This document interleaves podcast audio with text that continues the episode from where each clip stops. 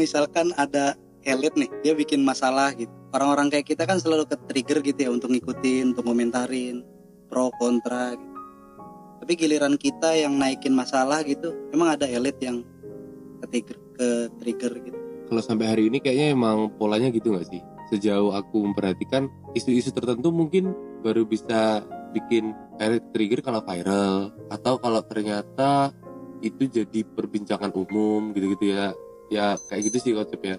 Ada contoh kasus nggak yang kepikiran ketika bikin pertanyaan? Ya kemarin sih yang lagi tren misalkan kayaknya semingguan ini yang ngetren tuh kan apa yang elit bikin ya kayak ada yang ghosting oh.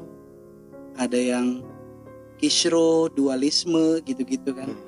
Itu kan rame kan maksudnya kita juga akhirnya pro kontra A B C D ikutan ngomentarin. Tapi giliran ada yang kita ya enggak kita kita juga sih gitu. Maksudnya dari kalangan bawah gitu berusaha nih ada permasalahan ini nih dinaikin gitu. Emang ada elit yang ke trigger gitu? Kalau aku justru pertanyaannya kayak emang elit harus ke trigger ya ke kita punya keresahan? Lebih ke karena aku nggak pernah jadi orang elit ya jadi nggak tahu.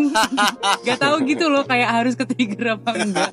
Dan kayak penting nggak aku ke trigger dengan masalah-masalah kayak gitu gitu. Oke oke soalnya kan kalau misalkan kita ngomongin kayak tadi ngomongin tentang ghosting dan kebetulan nggak ghosting tuh anak presiden gitu bukan ke trigger karena anak presiden ya sih kalau aku karena aku sebagai perempuan di kalau digituin juga pasti sakit hati nah itu aku lebih Iya. relate nya ke sana bukan karena dia elit gitu. Nah, ya ya seenggaknya kan bisa ada irisan yang buat dikomentarin gitu. hmm. tapi apa ya aku semakin ke sini semakin kayak oke aku percaya beberapa keresahan kita itu emang harus ditanggepin paham gak sih kayak konsep keresahan seperti apa yang kita harapkan untuk pemerintah kemudian ke trigger kalau misalnya kayak isu-isu pendidikan kesetaraan gender ham gitu-gitu oke lah itu keresahan-keresahan setiap orang-orang di grassroots yang mungkin pemerintah harus aware. Cuman kan nggak semua keresahan kita nggak sih? Ini aku bukannya perusahaan pemerintah ya cuman maksudnya eh, atau elit-elit ya cuman aku ngerasa nih kadang keresahan itu nggak perlu elit ke trigger ada orang yang dengerin aja udah cukup kok buat aku sendiri tapi emangnya terus kalau elit ke trigger mereka bakal ngapain gitu Elit kan, dia kan Hmm. elit punya walaupun katakanlah nggak punya jabatan apa apa, paling nggak dia punya privilege yang lebih banyak daripada kita, sehingga satu tweetnya dia dibanding dengan satu tu- tweetnya saya, gitu, kan berdampaknya bakal jauh Ah. banget gitu. dan nggak tahu ya, gue kayak kayak kayaknya emang harus gitu deh kalau apa namanya hidup ini udah emang udah ada kayak diferensiasi sosialnya gitu loh sehingga orang-orang yang terdiferensiasi atau stratif, stratifikasi sosialnya itu memang di bawah gitu. Pengen naikin keresahannya ya perlu media gitu media medianya entah berupa orang elit tadi ataupun ya, ya yang penting bisa naik ke permukaan gitu. Jadi kalau udah sudra ya sudra aja gitu ya sulit ya? Iya kan? Kalau udah sutra sutra aja. Iya sulit juga. Maksud gua angan-angan dari dulu kan orang-orang selalu punya angan-angan untuk apa sih nih kita hidup berkasta-kasta gitu kan. Gak usah lah kita hidup setara aja gitu ya. Ya apa pun itu. Cuman akhirnya kita nggak bisa bohong men gitu. Orang secara nat nggak tahu ini gua bilangnya na- secara natural apa enggak tapi pada akhirnya juga terstratifikasi juga dengan banyak faktor. Ekonomi yang paling mencolok. Iya tapi sebetulnya kita malam ini mau ngomongin apa sih coy ya hal-hal yang menarik menurut kita aja. Nah, saya kan mengawalinya dengan itu. Hmm, Tapi Anda jangan terprovokasi buat oke. aduh. Iya, kayak gitulah pokoknya lah. sharing keresahan aja mungkin ya yang deket sama kita aja sih Oke. Oke, oke. aku boleh cerita nggak ya boleh ya boleh lah ya. Oke. jadi aku tuh kemarin itu langsung ke personal ya. Ngomongin isu publik langsung ke personal. Aku langsung. Nggak apa-apa.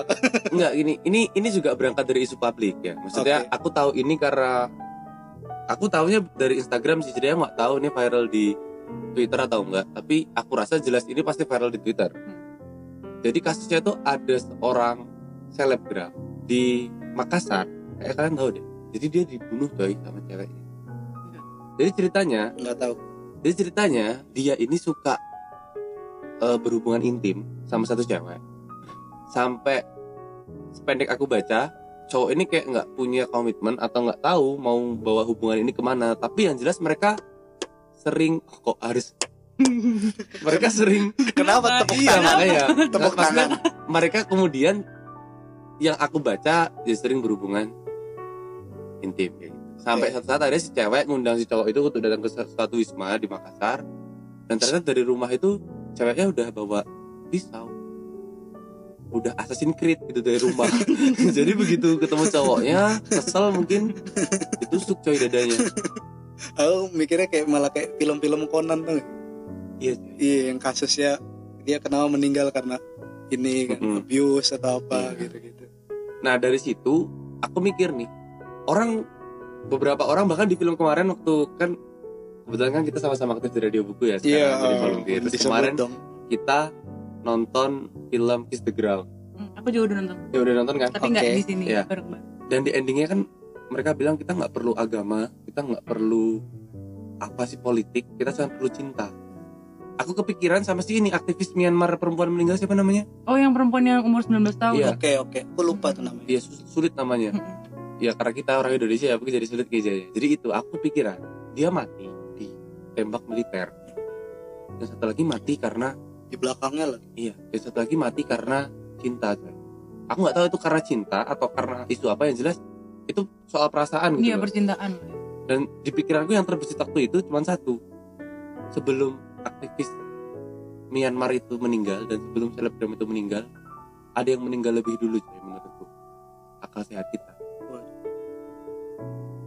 Waduh. Enggak, soalnya dia resah coy. Maksudnya atas nama kekuasaan Atas nama politik Dia bisa membunuh orang.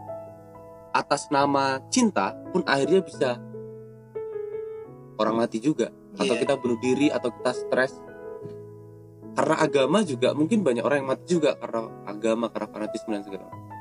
Jadi aku kadang mikir Apakah itu semua telah mati Dan akal sehat kita juga mati? Akhirnya terjadi banyak hal-hal yang nyebelin kenapa Hmm. harus terjadi sih kenapa kue bisa maksudnya oke kue sakit hati si cewek tapi membunuh itu kan berarti dia telah melewati beberapa fase berpikir gak sih sampai dia punya keputusan kayak iya iya oke iya. aku bunuh aja nih cowok dan itu berani banget loh maksudnya dia sampai apa memutuskan akhirnya untuk bawa pisau ke sana terus akhirnya berujung bunuh tuh kok bisa orang seberani itu gitu Iya. maksudnya punya- tapi aku yang nggak ada sih opini untuk keresahannya dia yang Artinya jangan-jangan emang semua yang tadi atas nama atas nama tadi itu emang kayak pisau bermata dua gitu ya nggak sih? iya pada akhirnya aku kayak mikir gimana bisa gitu Ya misalkan tadi kan dia terbunuh gara-gara cinta. Hmm. Tapi di sisi lain pas kita di film Kiss the Ground itu kan kita cuma butuh cinta untuk menjaga tanah kita. Ada cinta bisa membunuh, cinta juga bisa menghidupkan. Ya cinta. bahkan di Kiss the Ground kalau jadi review Kiss the Ground maksudnya gini mereka juga ngomongin soal kita but, cuma butuh cinta untuk mengelola tanah Hmm. tapi tanah yang mereka kelola itu mereka bangun dan mereka dapat atas pembunuhan dan pembantaian genosida gitu loh barusan juga Eh, iya, bener ya. indigenous people ya Iya. Eh, Cal, lu kemarin nggak nggak ngikut ya pas kita nobar kemarin. Hmm. Kamu kan nyeletuk kan. Mereka tuh sebenarnya ini tanah bukan punya mereka. Saya kan nanggepin kan kayak iya ya tuh mereka mereka membangun apa melakukan penelitian ini di atas bangkai bangkai pembunuhan gitu. Terus yang lain tuh kayak "Ah, siapaan sih gitu. kok pada nggak ngerti sih padahal kan itu maksudnya ya udah pasti kan. enggak enggak Ini- kayak kayak tatapan itu kayak apa sih gitu entah nggak tahu ya aku nggak bisa nerjemahin utuh tatapan apa itu kayak tatapan apa sih ini kok lo apa luar konteks gitu Hmm. kok luar cuman ya kita kan pengen lucu-lucuan aja ya. tapi itu konteksnya nyambung loh sebenarnya Iya. kalau dia ngomongin cinta dan kematian yang kayak mereka bilang iya ya jokesnya tadi gitu kan Iya, iya, iya. kayak ngomongin cinta eh, menghidupkan tanah tapi tanahnya juga diambil rebut dari orang-orang iya kan Indian itu terus itu kan juga sempat ngomongin tentang bison-bison yang dibunuh kan Yoi. benar benar Mm. sampai menggunung gitu kan Iya. Tujuannya untuk ini mutus apa suplai makanan orang Iya, iya. kan makanya bison di blokade kan maksudnya kayak ya dari situ aja udah kelihatan gitu loh. Jadi kayak seribu tahun yang lalu ketika sebelum mereka bilang we need love. Tiba-tiba throwback seribu tahun yang lalu ketika orang Indian ditembaki. Bisa bisa dibegal. Perkampungan mereka dibakar. Lalu seribu tahun kemudian ada seseorang yang bilang cuma butuh cinta untuk mengelola tanah. Kan bangsat ya. Pasti sama aja. Jadi kayak aku ngerasa hari ini kayak dunia itu sebetulnya nggak ramah untuk ditinggali bukan karena kita kehilangan ozon banyak CO2 bertebaran yang liar atau apa segala tapi karena emang orang-orang kayak udah lost control gitu loh lost their mind. Jadi kayak udah nggak ramah buat orang miskin. Itu pasti. Ya pasti itu. Nggak ramah buat orang yang punya cinta yang tulus. Oke. Misalnya. dan lain sebagainya kayak malah aku ngerasa orang-orang tuh ngerasa orang miskin tuh penyakit gitu loh. Padahal harusnya kan kayak ya gimana kapitalisme ini tuh ngebantu mereka juga nggak miskin tapi malah ditreat sebagai sesuatu yang kayak "Ih, apaan sih lo gitu. Tahu nggak sih beritanya yang eh, di subway di kayaknya di Amerika sih harusnya. Itu tuh tempat duduk dihilangin cuman karena takut ada homeless yang tidur di situ. Kayak sejahat itu loh kayak kenapa sih? Kenapa ya? Kenapa ya? Orang mereka tuh nggak punya rumah tidur di kursi kayak ya udahlah. Jahat banget. Iya makanya tadi ketika apa namanya Paris ngebuka dengan ya elit punya satu privilege ketika dia banyak keresahan semua orang bisa tahu dan bisa ngerasain bisa berpartisipasi ikut momen segala macam. Ah oke. Kita enggak. Nah, now maksud- I can relate nah, ya. maksudnya akhirnya ya akhirnya kita semua bias standar gitu loh. Mm-mm. karena tadi yang kita sebut cinta dan segala macam itu ternyata kosong juga bisa mati juga kita karena dan itu. di situ juga ada kan yang ngebahas di film itu yang ngebahas gini kenapa saya harus nanam banyak variety kalau saya cuma dari jagung aja bisa dapat duit banyak? Ada kan yang ngomong kayak gitu? iya. Itu aku mikir gini kayak ya gimana ya? Orang itu kalau misalkan memang lagi yang dibutuhin duit ya memang dia bakal mikirnya duit doang. Dia nggak akan mikir Iya. nggak akan mikir lah tanah ini bakal saya harus jaga buat anak cucu saya. Enggak karena dia butuh makan. Iya iya iya. Ke- kecuali ketika orang memang udah kebanyakan duit dia baru bisa mikir Iya. kayak oh saya harus berbuat baik dengan uang saya gitu. Iya iya.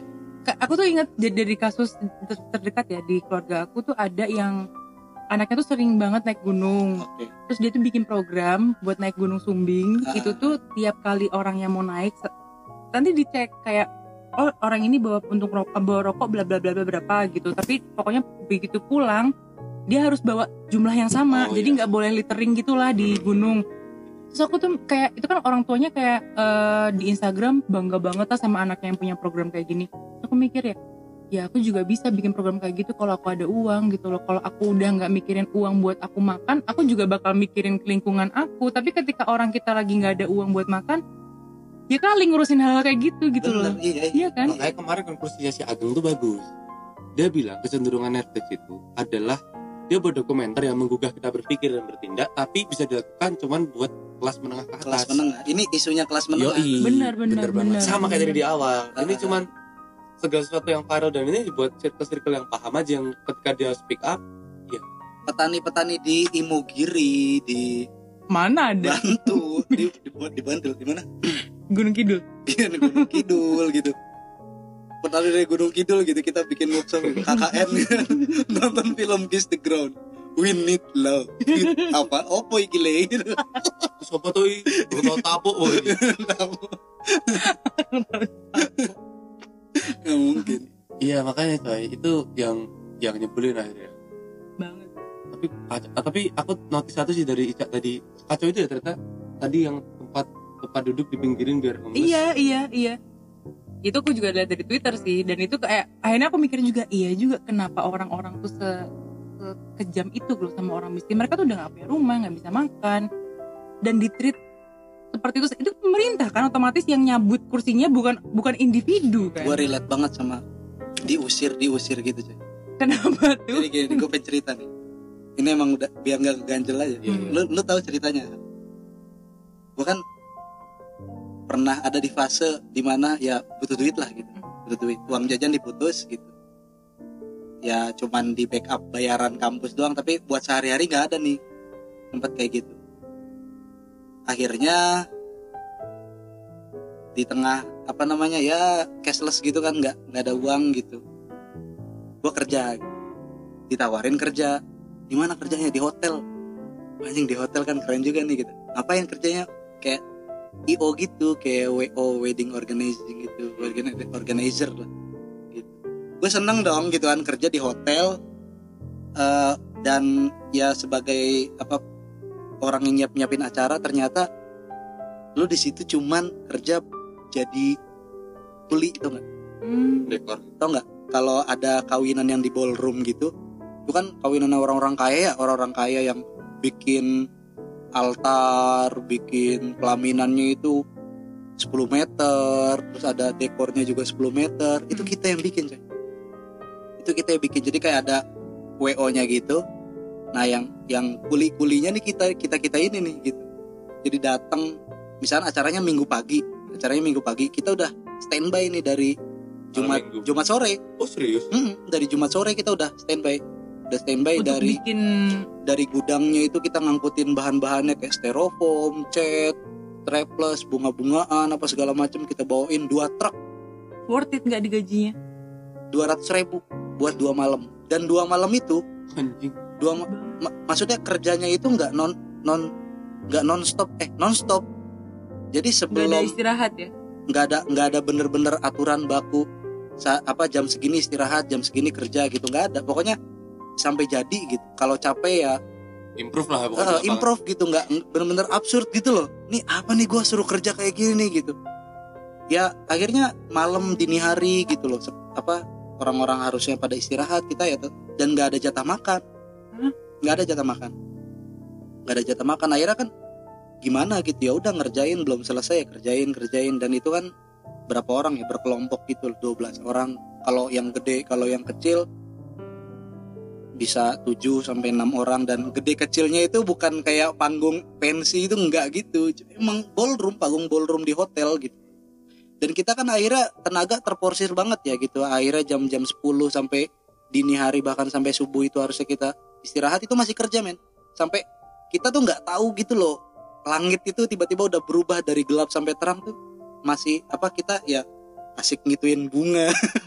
Gitu-gitu menikmati ketertindasan Ah, dan, dan dan pas udah jam-jam dini hari gitu kan mulai ini kan tenaga mulai habis baterai udah emang udah waktunya tidur dan itu gue ngerasain kayak jadi gini amat ya gitu kerja. Dan nggak sengaja waktu itu gue lagi kayak ngerangkai bunga gitu ketiduran men Ya. ketiduran itu posisinya ngerangkai bunganya nggak pas di ballroomnya tapi di depan pintu ballroomnya gitu. Depan pintu ballroomnya kayak lantai-lantai Iya, gitu. iya, iya. Nyender ketiduran. Dan ditendang satpam coy ditendang satpam mas jangan tidur di sini. Kalau mau tidur di belakang panggung aja. Dan kalian tahu belakang panggung itu isinya apa? Kaproding karung-karung ya barang-barang kita gitu. Barang-barang kita kita harus tidur di situ men. Jadi saya relate sekali itu dengan fenomena diusir-usir gitu.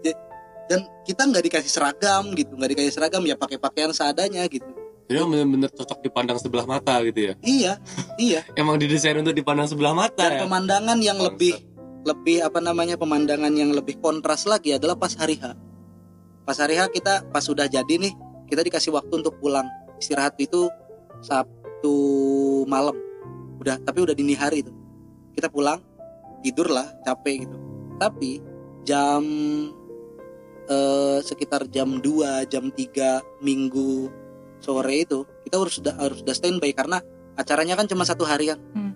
harus standby untuk ngebongkar lagi. Dan kita di situ kan acaranya masih kayak ada masih ada lah orang-orang yang tamu undangan yang kondangan segala macam pengantinnya pun masih ada gitu. Kita cuma duduk di pinggiran.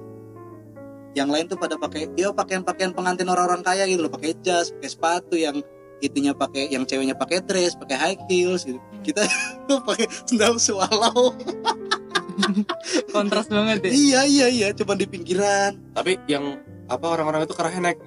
Hah? kerah kerahnya naik gitu enggak dong. Itu kan tak abad 19 iya. Nggak pakai celana balon gitu Iya, ya? dan itu apa ya kayak ya pengalaman yang waduh nggak bisa di gua kayak kayak gini terus. Maksudnya yang ya gue emang butuh duit tapi paling nggak kemiskinan juga nggak harus ngegad- menggadaikan harga diri gitu. Loh. bedanya itu sebenarnya jadi jatuhnya working class kan kamu Ya. ya Ya. working class di Jerman sama Indonesia itu jauh banget di sana tuh bener-bener menghargai orang-orang yang kerja Oh, BTW lu pernah sekolah di Jerman? pernah ya establish establish dulu Oke. Jadi aku waktu pas kerja pas di, eh, kuliah di Jerman tuh pernah kerja. Itu macam-macam. Aku kerja di pabrik kertas, pabrik coklat. Di bagian apa ya produksinya berarti ya? Iya. Enggak sih packing sih sebenarnya. Oh, packing. Heeh, making-making gitu. Dan yang paling capek tuh pernah kerja jadi gardener itu. Orang-orang yang oh enggak apa sih namanya? kebun gitu ya? Berkebun Ah, iya, orang-orang yang kebun itu. Tapi yang aku ah, yang aku garap itu taman di depan mall. Jadi orang sana tuh kalau misalkan ganti musim pasti ganti bunga. oke Nah aku tuh garap itu, jadi bunga yang tadinya apa dibabatin, heeh, rumputnya dibersihin, bla bla bla, terus nanam nanam lagi gitu loh. Itu aku kerja seharian tuh. Nggak ada tuh orang-orang yang kayak eh ngelihat sinis, misalkan kayak atau nganggap rendah aku sebagai tukang kebun gitu tuh nggak ada, karena mereka tahu pekerjaan ini tuh capek, susah. Jadi kayak kamu, se- maksudnya kamu sebagai eh, apa ya orang-orang bystander, bukan bystander, jadi kayak orang-orang yang lewat itu ya udah nganggap kita ya udah orang biasa lagi kerja gitu. syukur-syukur kalau respect gitu ya. Dan itu eh, enaknya di sana kita kerja kan digajinya per jam, bukan Oke. per hari ya kalau di sini. Di sana tuh per jam dan per jamnya tuh udah pasti UMR. gue tuh Mm-mm. UMR yang sana gue tuh per ada jam, bukan nggak ada per jam bulan. dan per hari eh gue nggak ada per jam per minggu per bulan Berarti per proyek ya itu ya. per proyek jadi Heeh. hitungannya per malam malah dua malam tapi nggak malam juga itu Heeh, siang juga kita harian, kerja ya dua ratus ribu men itu buat jajan gue selama seminggu habis itu nanti habis apa akhir pas weekend ada lagi gitu lagi bisa setahun gue kayak gitu kayak gitu Capek banget. wah apa ya paling nggak apa namanya yang kalau kalau masalah capek atau bayaran oke lah gitu tapi yang benar-benar lebih sakit itu ya apa ya posisi kita di Iya, hadapan iya, mereka gitu loh. posisi mereka di hadapan mereka Oke, jadi dari yang kamu tadi ceritain, aku inget banget teman aku pernah kerja juga di bukan wedding organizer, dia lebih ke Di Indonesia nih. Enggak di Jerman, Oh. di Jerman. Ini aku aku bandingin ya, bagaimana orang Jerman tuh nge-treat jasa orang Oke. bekerja itu tuh gimana. Jadi temanku kerja di event organizer, dia tuh jadi orang-orang yang nganterin makanan itu loh. Oh. Mm-mm. kurir gitu kan Server server. Server, Oh, server. tapi yang di memang Iya, apa event-event doang. Nah, itu tuh kalau di sini kan di warnet Mm-mm. server gitu. orang Jerman itu kalau misalkan eh, ada orang yang kayak ngasih makanan, pasti selalu ngomong terima kasih. Itu udah budaya. Oh iya. Eh, dan terima kasih terus kayak kalau mau nanya ya pasti horm me. iya hormat gitu loh kayak "Eh, ini tadi aku bisa ambil di mana ya? Aku mau ambil lagi ini satu boleh nggak? Gitu loh nggak terus nganggep kayak kita sebagai Mm-mm, serv- bukan nggak mentang-mentang server terus kayak lo lebih rendah dari gua gitu enggak jadi ada ada juga budaya di sana tuh kalau orang-orang yang kerjanya di hotel teman Oke. aku juga sering kerja di hotel jadi orang yang bersih bersih gitu gitu itu Oke. tuh kerjaan anak-anak Auslander banget sih. Itu, itu kalau ya itu tuh dia sering datang ke, ke kamar kalau misalkan yang tadinya kamar itu yang ngisi orang Jerman pasti udah rapi ya meskipun sebenarnya masih ada Ya. standar kerapiannya orang Ya. hotel ya Hmm. tapi itu udah termasuk rapi gitu tapi ketika yang ngisi Auslander dari negara lain pasti berantakan jadi memang itu tuh kayak udah jadi Budaya. apa ya heeh, budaya mindset yang udah dari dulu tapi kebanyakan Asia sih yang suka nggak tahu diri gitu orang-orangnya kayak masa handuk dijadiin keset gitu kan Oh iya. kayak iya dan jorok banget yang itu udah udah biasa banget di sana dan enaknya di sana tuh ya aku kalau kerja apa pun kerjaannya tuh tetap ngerasa enak karena dikerja dibayarnya tuh per jam jadi aku mau kerja jadi tukang kebun kayak mau ke- apa aja yang penting dibayar aku tuh setiap mikirnya gitu jasa tuh kayak punya penghargaan Mm-mm. yang sepadan gitu ya bener Dan lumayan gitu ya. meskipun nyari kerjanya susah Oh. oh jadi kayak harus ya, bisa bahasa Jerman sih iya heeh, kalau itu heeh. Iya, iya. maksudnya kalau misalkan memang kita kerja nih beda lagi kalau kerja di Jerman tapi atasannya orang Indo dia biasanya ngerekrutnya tuh juga kayak nggak lewat eh, apa ya suatu gitu. sistem bukan maksudnya memang ada sistemnya orang di sana Oke. kalau misalkan kamu memperkerjakan orang itu harus dilaporin orang ini kerja sama saya biar nanti orang ini tuh dapat secure sekuritas yang kayak pasti dapat Oh, UMR oke, oke, pasti oke. dapat jaminan-jaminan itu orang ini iya tuh udah benar oke makanya tapi biasanya kalau orang Indonesia yang kerja di sana tuh yang di atas nama maksudnya bosnya orang Indonesia juga biasanya tuh kerja gelap gitu loh jadi kayak dia di Hmm. digajinya yang nggak cukup oh gitu kayak Heeh. asal asal rekrut aja kamu mau Heeh. nggak gitu Nah, eh, itu biasanya buat apa eh mahasiswa mahasiswa yang kayak butuh duit banget lah biasanya mau ngambil kerjaan itu gitu. bosnya yang bos Indonesia Iya, kalau enggak biasanya di orang-orang ya. orang-orang Turki Emang juga nggak bisa hilang ke bawah sampai ke mana pun tetap Iya. Indonesianya nggak luntur Iya. gitu Iya, iya. loh. hebatnya Ngomong- orang Indonesia ke mana pun Nah, ngomong-ngomong soal orang Indonesia di luar negeri nih. Gue kan belum pernah, maksudnya belum pernah belajar ke luar negeri. ya. Lo juga kan? kan? yoi Gue baca Twitter dan gue ngakak banget. Maksudnya bukan ngakak yang itu lucu dalam artian itu jokes itu enggak. Cuman ini apa ya? Kenyataan yang menurut gue anjir lucu banget gitu loh. PPI dunia. Sebut aja ini ya bodo amat ya. Ngirim surat ke Jokowi. ke bawah presiden men buat minta divaksin gitu. Maksud gua hey kawan-kawan yang mungkin ada di kampus Indonesia yang akreditasinya B menjerit itu pasti ini saya gimana? Anda kan bukan bem UIN kacau cok. Maksudnya gini aku tuh relate nih. Maksudnya Temanku aja sampai malu kok. oh iya. Kan teman-teman yang di Jerman ya kayak apa ya ya malu gitu kayak akhir- dia itu kan ada fotonya kan disebar di Instagram ya Hmm. kalau nggak salah.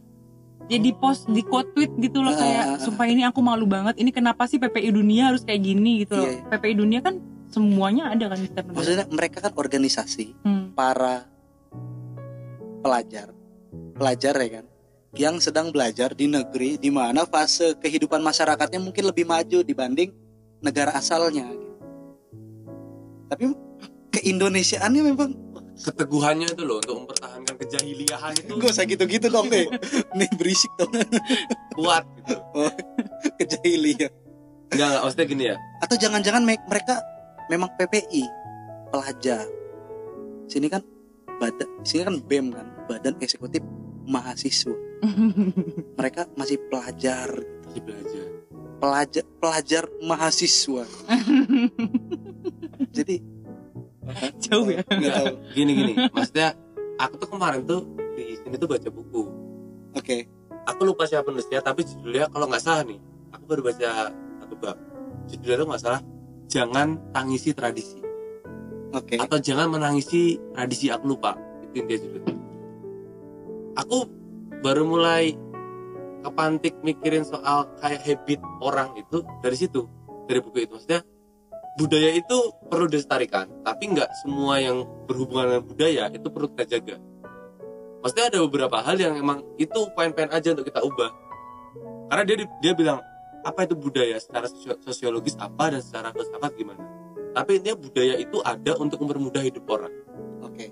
Misal gini untuk menghindari konflik paling dasar kalau di Jawa ya karena aku orang Jawa kalau lewat depan orang pasti nunduk. Monggo amit kalau Ini- aku dulu diajarin sama temanku segawon gitu nggak sih?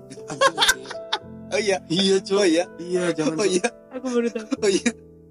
Maaf maaf. Nah, kayak gitu. Habis itu tapi kan kemudian kan kayak hal kayak tadi. Kalau aku dari dulu ya aku sering banget nih mikir sebelum ada gentrifikasi di Bali itu ya.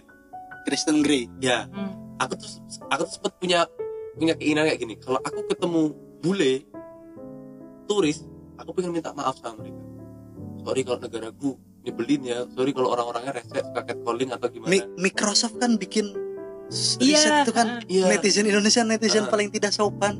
Oke maksudnya aku aku bisa aku bisa menerima hal itu. Karena itu emang real terjadi. Emang orang-orang kita sorry itu say tapi emang kita tuh rese nggak cuma orang aku pun mungkin rese gitu loh. Kita emang menyebalkan. Maksudku kita perlu satu budaya yang menurutku diadopsi dari luar adalah budaya apresiasi Maka- Iya, itu yang kurang. Yoi, Benar, makanya aku benar. sering bertanya kenapa orang Indonesia itu kalau konser atau ada acara atau setelah a- pertemuan meeting atau kumpul apa kenapa harus orang itu eh, satu orang bilang kayak yuk tepuk tangan dulu yuk buat kita hari ini kita baru tepuk tangan Gak ada kayak kesadaran iya gak sih maksudnya aku kadang mikirnya sependek itu aja nggak ada kayak kesadaran setelah ya hari yang melelahkan kita bisa melewati hari itu kita bisa selesai kita dapat sesuatu yang baru kita kayak yes sorry gitu. Atau kita nggak punya budaya kayak standing applause itu maksudku Hmm. kayak itu kayak bentuk-bentuk penghargaan yang kalau aku pribadi ya digituin aku terharu coy.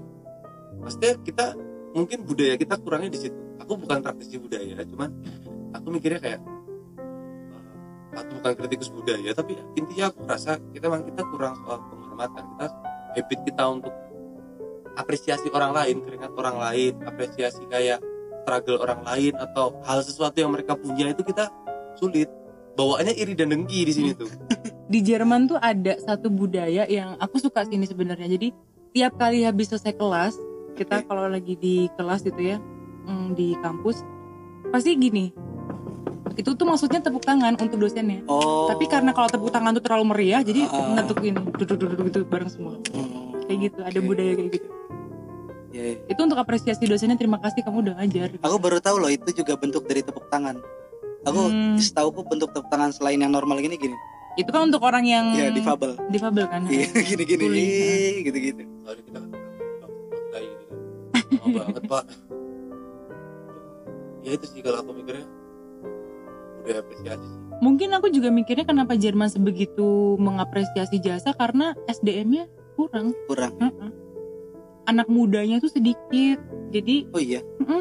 kalau misalkan di apa ya sebutannya yang kayak ngitung jumlah eh, penduduk itu loh. Sensus. Iya, sensus di sana tuh orang tua lebih banyak. Jadi bentuknya ngerucut ke bawah. Hmm, Heeh, bukan oke. bukan rata piramida gitu. Iya, gitu. piramidanya ke bawah kebalik gitu loh. Hmm. Dan itu ya namanya nggak tahu orang zaman sekarang kan memang untuk punya anak tuh lebih nggak mau ketimbang ya karena kan yang diurusin banyak gitu. Sampai di Jerman tuh orang yang punya anak pasti dapat duit. Oke. Ah, ada kayak gitunya. Dijamin ya? Mm-mm, ada Iya. jaminan tapi biar tetap mau punya anak ya iya maksudnya. tapi tetap ada ya udah piramidanya Iya, piramid- piramidanya tetap ke bawah. Gue nge-share story yang kemarin kan yang pas International Women Day itu yang I'm 13 old, oh iya iya iya. I'm not married, not apa? 13 30 30 30 13 13 satu. I'm 30 years old. Saya 30 tahun saya tidak menikah saya tidak punya anak. That's okay. Terus ada yang ngomen Terus yang orang India bukan? Iya. sih that's okay. Itu. Karena kamu bukan dari Asia iya gitu kan. bener. Gimana ya? Makanya mungkin bukan kan apa namanya apresiasi kan bentuknya banyak ya. Itu yang kayak sekecil tadi cuman ketok meja Iya, tuh iya, iya, udah iya. masuk Ah, gitu benar-benar maksudnya kan mungkin hari ini kan di Indonesia misalnya ya aku nggak tahu data di lapangannya. Mungkin banyak orang yang nggak bisa terasah kemampuannya atau nggak bisa mengeluarkan kemampuan terbaiknya atau ada yang merasa nggak punya teman nggak merasa Hmm, di apa dia bisa berkembang. Tempat, karena mungkin miskin apresiasi. Bukan miskin pujian loh ya. Iya bener kalau kalau Ah. beda pujian beda beda. beda iya kalau pujian kita bisa terima baik banget tapi Iya. apresiasi. Baik itu yang respect ataupun yang ya ya pujian basa-basi ataupun yang benar-benar memuji ya tapi Hmm. apresiasi iya bener menurutku kita tuh lebih butuh apresiasi daripada sekedar pujian apaan sih gitu pujian jadi kalau kalau aku ngamatinya ya karena Mm. mungkin cuma dari film ya karena aku ke luar negeri jadi kalau di luar negeri itu kalau orang tepuk tangan itu dia maksudnya benar-benar praise kalau kamu tuh melakukan sesuatu yang hebat iya tapi kalau mereka juga nggak tepuk tangan itu juga sebuah bentuk ekspresi gitu iya bener berarti yang salah nih sama Iya, kamu gitu gitu. Heeh. Nah, kalau di kita kita banjir pujian. Maksudnya kita pun orang banyak orang yang bilang kayak kamu jangan terlalu mudah terbang dengan pujian karena ya itu sementara. Tapi kan maksudnya kan kita lebih butuh tangan kita Mm-mm. lebih lebih kayak oh mantap sih tapi kayak gue lebih asik gini sih? Nah, makanya ada Kayak- Hmm. kayak slogan-slogan pujian itu racun gitu. Tapi apresiasi kan bukan racun justru bak- bakal mengangkat kita lagi gitu apalagi apresiasi itu lebih ke bentuk terima kasih sebenarnya ya Oke, kan iya, bukan iya. pujian yang kayak eh kayak ih kamu keren banget deh enggak kayak terima kasih kamu sudah melakukan hal ini terima Iya, kasih iya. kamu sudah melakukan hal itu dengan baik gitu Iya, atau iya. kayak kalau misalkan memang mau dikritik ya kritik aja kalian dan gitu. fair gitu loh Mm-mm. budaya apresiasi dan budaya Mm. fair gitu kayak ya udah apa yang lu lakuin ganjarannya ini ya udah gitu ada satu momen pas aku kerja di aku pernah kerja di pabrik bukan pabrik sih dia eh kayak gudang tapi dia yang nge- ngejual semua barang bekas yang berhubungan dengan game. Ada konsol Wii terus kayak Nintendo eh, PS gitu gitulah itu tuh aku kerja di situ enam bulan. Nah pas enam bulan terakhir di situ tuh aku di kayak eh bosnya tuh tiba-tiba datang gitu loh ke aku terus kayak bilang makasih ya kamu udah kerja di sini kamu baik banget udah ya pokoknya kerjanya bagus bla bla bla bla. Besoknya aku udah gak dikasih kerja lagi sih. Tapi udah dikasih makasih. Dulu. oh lucu ya. Tapi nggak apa aku kayak tapi pas dia ngasih tiba- tiba-tiba ngomong gitu tuh kayak mikir kok kok tiba-tiba dikasih apresiasi ini ada apa? Jangan-jangan besok Aing udah nggak dapet ini lagi nggak dapet shift kerja gitu ternyata bener. Karena memang aku kerjanya seasonal kan itu mau deket Christmas waktu itu jadi Oke. dia butuh banyak orang Ah, ah, makanya aku by direkrut project gitu habis itu habis dikasih apresiasi besoknya nggak dapat kerja kayak ya. Iya. tapi seenggaknya itu melegakan hati sih nggak? Mm-mm. iya daripada daripada nggak pakai apresiasi langsung Hmm. tiba-tiba besok Iya, ada panggilan kan kacau juga. Heeh, bener nah ngomongin soal kerja nih gue pengen apa namanya ya pengen tahu impress kalian yang soal ada kan seorang eh, stand up komedian yang nge-tweet terus tweetnya diserang katanya dia ngechat karyawannya Mm-mm. jam 0044 oh gitu. oke oke oke terus banyak yang bilang ini apa ya banyak mempermasalahkan dan itu di hari Minggu gitu ngechatnya apa work life balance apa segala macam gitu-gitu terus dia bilang kayak saya sebagai stand up comedian dengan saya sebagai bos itu beda Hmm. Oke, iya. Nah, itu dua hal yang beda gitu. Menurut kalian gimana? menurut aku ya itu bukan sesuatu yang pantas diglorify bukan sesuatu yang pantas dia bangga akan hal itu gitu karena jatuhnya jadinya eksploitasi gitu. kalau misalkan kamu di chat jam segitu dan dalam waktu libur harus jawab juga terus kayak dan apa ya maksudnya itu tuh waktu istirahat gitu loh nggak Iya, iya, itu banyak nggak sih. semua manusia harus 24 jam stay standby buat bos gitu loh ya bos siapa emang Tuhan Hmm. gitu menurut aku bukan hal yang patut pat- karena dia dia kan kayak bangga ya nge-tweet itu dia kayak menunjukkan Heeh, kok kayak aku bisa ya jam segini masih begini gitu. Heeh. Kayak dia menunjukkan kalau aku loh aku kayak gini loh Mm-mm. Seakan-akan tuh kayak bangga akan di dirinya yang seperti itu dan diglorify maksudnya nih kalau misalnya kerja tuh lo harus ini, ini, gitu. Maksudnya seakan-akan seperti ngomong kayak gitu. Dan menurut aku itu bukan hal yang bagus sih kayak ada hak-hak manusia yang kalau ketika dia istirahat ya udah biarkan istirahat gitu. Kalau di Jerman eh, ketika orang udah masuk di jam pulang kerja itu semua yang berhubungan dengan kerjaan ya besok. Makanya mereka suka ada ini beda kontak kamu ketika kerja sama kontak maksudnya kontak personal nomor Iya. nomor atau email itu tuh pasti beda email personal kamu sama email kerja itu beda nggak nggak dijadiin satu Tapi sekarang tuh jam kerja itu menjadi jadi bias gak sih? Maksudnya 9 to 5 misalkan kita ngomongin 8 kerja apa 8 jam kerja di banyak bidang kan nggak nggak udah banyak yang nggak saklek tuh ngomongin soal 8 jam kerja nggak harus dari jam 9 ke jam 5 gitu.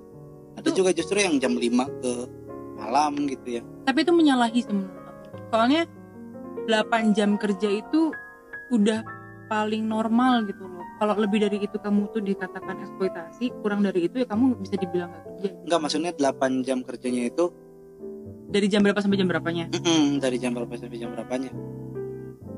ya, terga- ya, tapi tergantung dan dia konteksnya kan waktu itu, waktu itu kan eh konteks dia ngejapri kan dia sebagai bukan pengusaha pabrik atau apa kan industri dia kan industri hiburan gitu tapi enggak. apa, apakah asisten itu kan ke asistennya ya apakah asisten tuh terus 8 jamnya jadi nggak rancu maksudnya rancu kan enggak sih harusnya kan tetap ada jam kerja di kontrak dong Hmm. enggak di luar klarifikasi yang apa dia aku kan dia sebagai seorang stand up komedian aku ngikutin ngikutin lumayan ngikutin lah konten-kontennya segala macam bahkan sampai konten-konten dia yang ngomongin soal masalahnya dia itu gitu. Dia justru katanya Hmm. gitu versi dia gitu. Kayak lagi marahin diri sendiri gitu. Oh. Kayak marahin diri sendiri ngapain sih jam segini masih ngechat karyawannya? Soalnya dia emang orang yang terus-terusan mikirin kerjaannya mikirin karyanya gitu. Makanya takut dia lupa dia ngechat malam itu masalah nanti dia pengen Balesnya kapan? dibalesnya kapan? Karena itu hari minggu juga ya nggak masalah juga. Cuman ya terlepas dari mungkin itu klaimnya ya. Cuman itu secara etika menyeluruh gitu. Kurang baik? Sih kurang baik juga ya. Juga maksudnya Iya. sepakat sih. Terlepas apa pun konteksnya itu walaupun dia cuma curhat atau dia punya kebenaran sebelumnya tapi aku sepakat sama Ica maksudnya ya gue juga punya tetangga gitu. gue juga punya uh, buku yang belum diselesaikan gue juga punya playlist playlist yang mungkin ini apa. Iya iya. Ya gue punya orang tua punya adik misalnya gue punya temen. Ya mungkin dengan masuknya satu chatting udah selesai belum ini jangan lupa. Hmm, terus kayak oke. misal, kayak seenggaknya nggak usah di tweet lah itulah gitu. Moodnya jadi jelek. Dan Iya. itu tadi dulu itu konten keluar setelah dia nge-tweet kan? Ah, ah, ah, nah ah. bisa jadi kan itu setelah dia baca reply dia bisa ngomong kayak gitu iya, iya. Iya. iya maksudnya Iya. ada kemungkinan Iya, iya, Ma- kemungkinan kayak gitu maksud loh maksud gua adalah ya di luar dari pembenaran yang dia Hmm. bikin gitu tetap yang bagus ah, kita nggak benar-benar tahu konteksnya kayak gimana gitu kan dia nge-share itu di ruang publik benar di ruang publik yang mana dia ya public figure Mm-mm. dia kan kayak nga- mengonfirmasi kan dia sebagai seorang penghibur dan dia sebagai seorang bos itu kan berbeda ya udah kalau lu lagi punya apa punya urusan-urusan lu sebagai bos yang gak usah diumbar kali di media lu yang dikenal sebagai seorang penghibur. Akhirnya orang bias tuh. Benar. Kenal anda seperti apa gitu. Pernah aku ketemu di Berlin waktu itu. Oh iya? Iya dia kan iya, stand Mr. World Tour gitu. Iya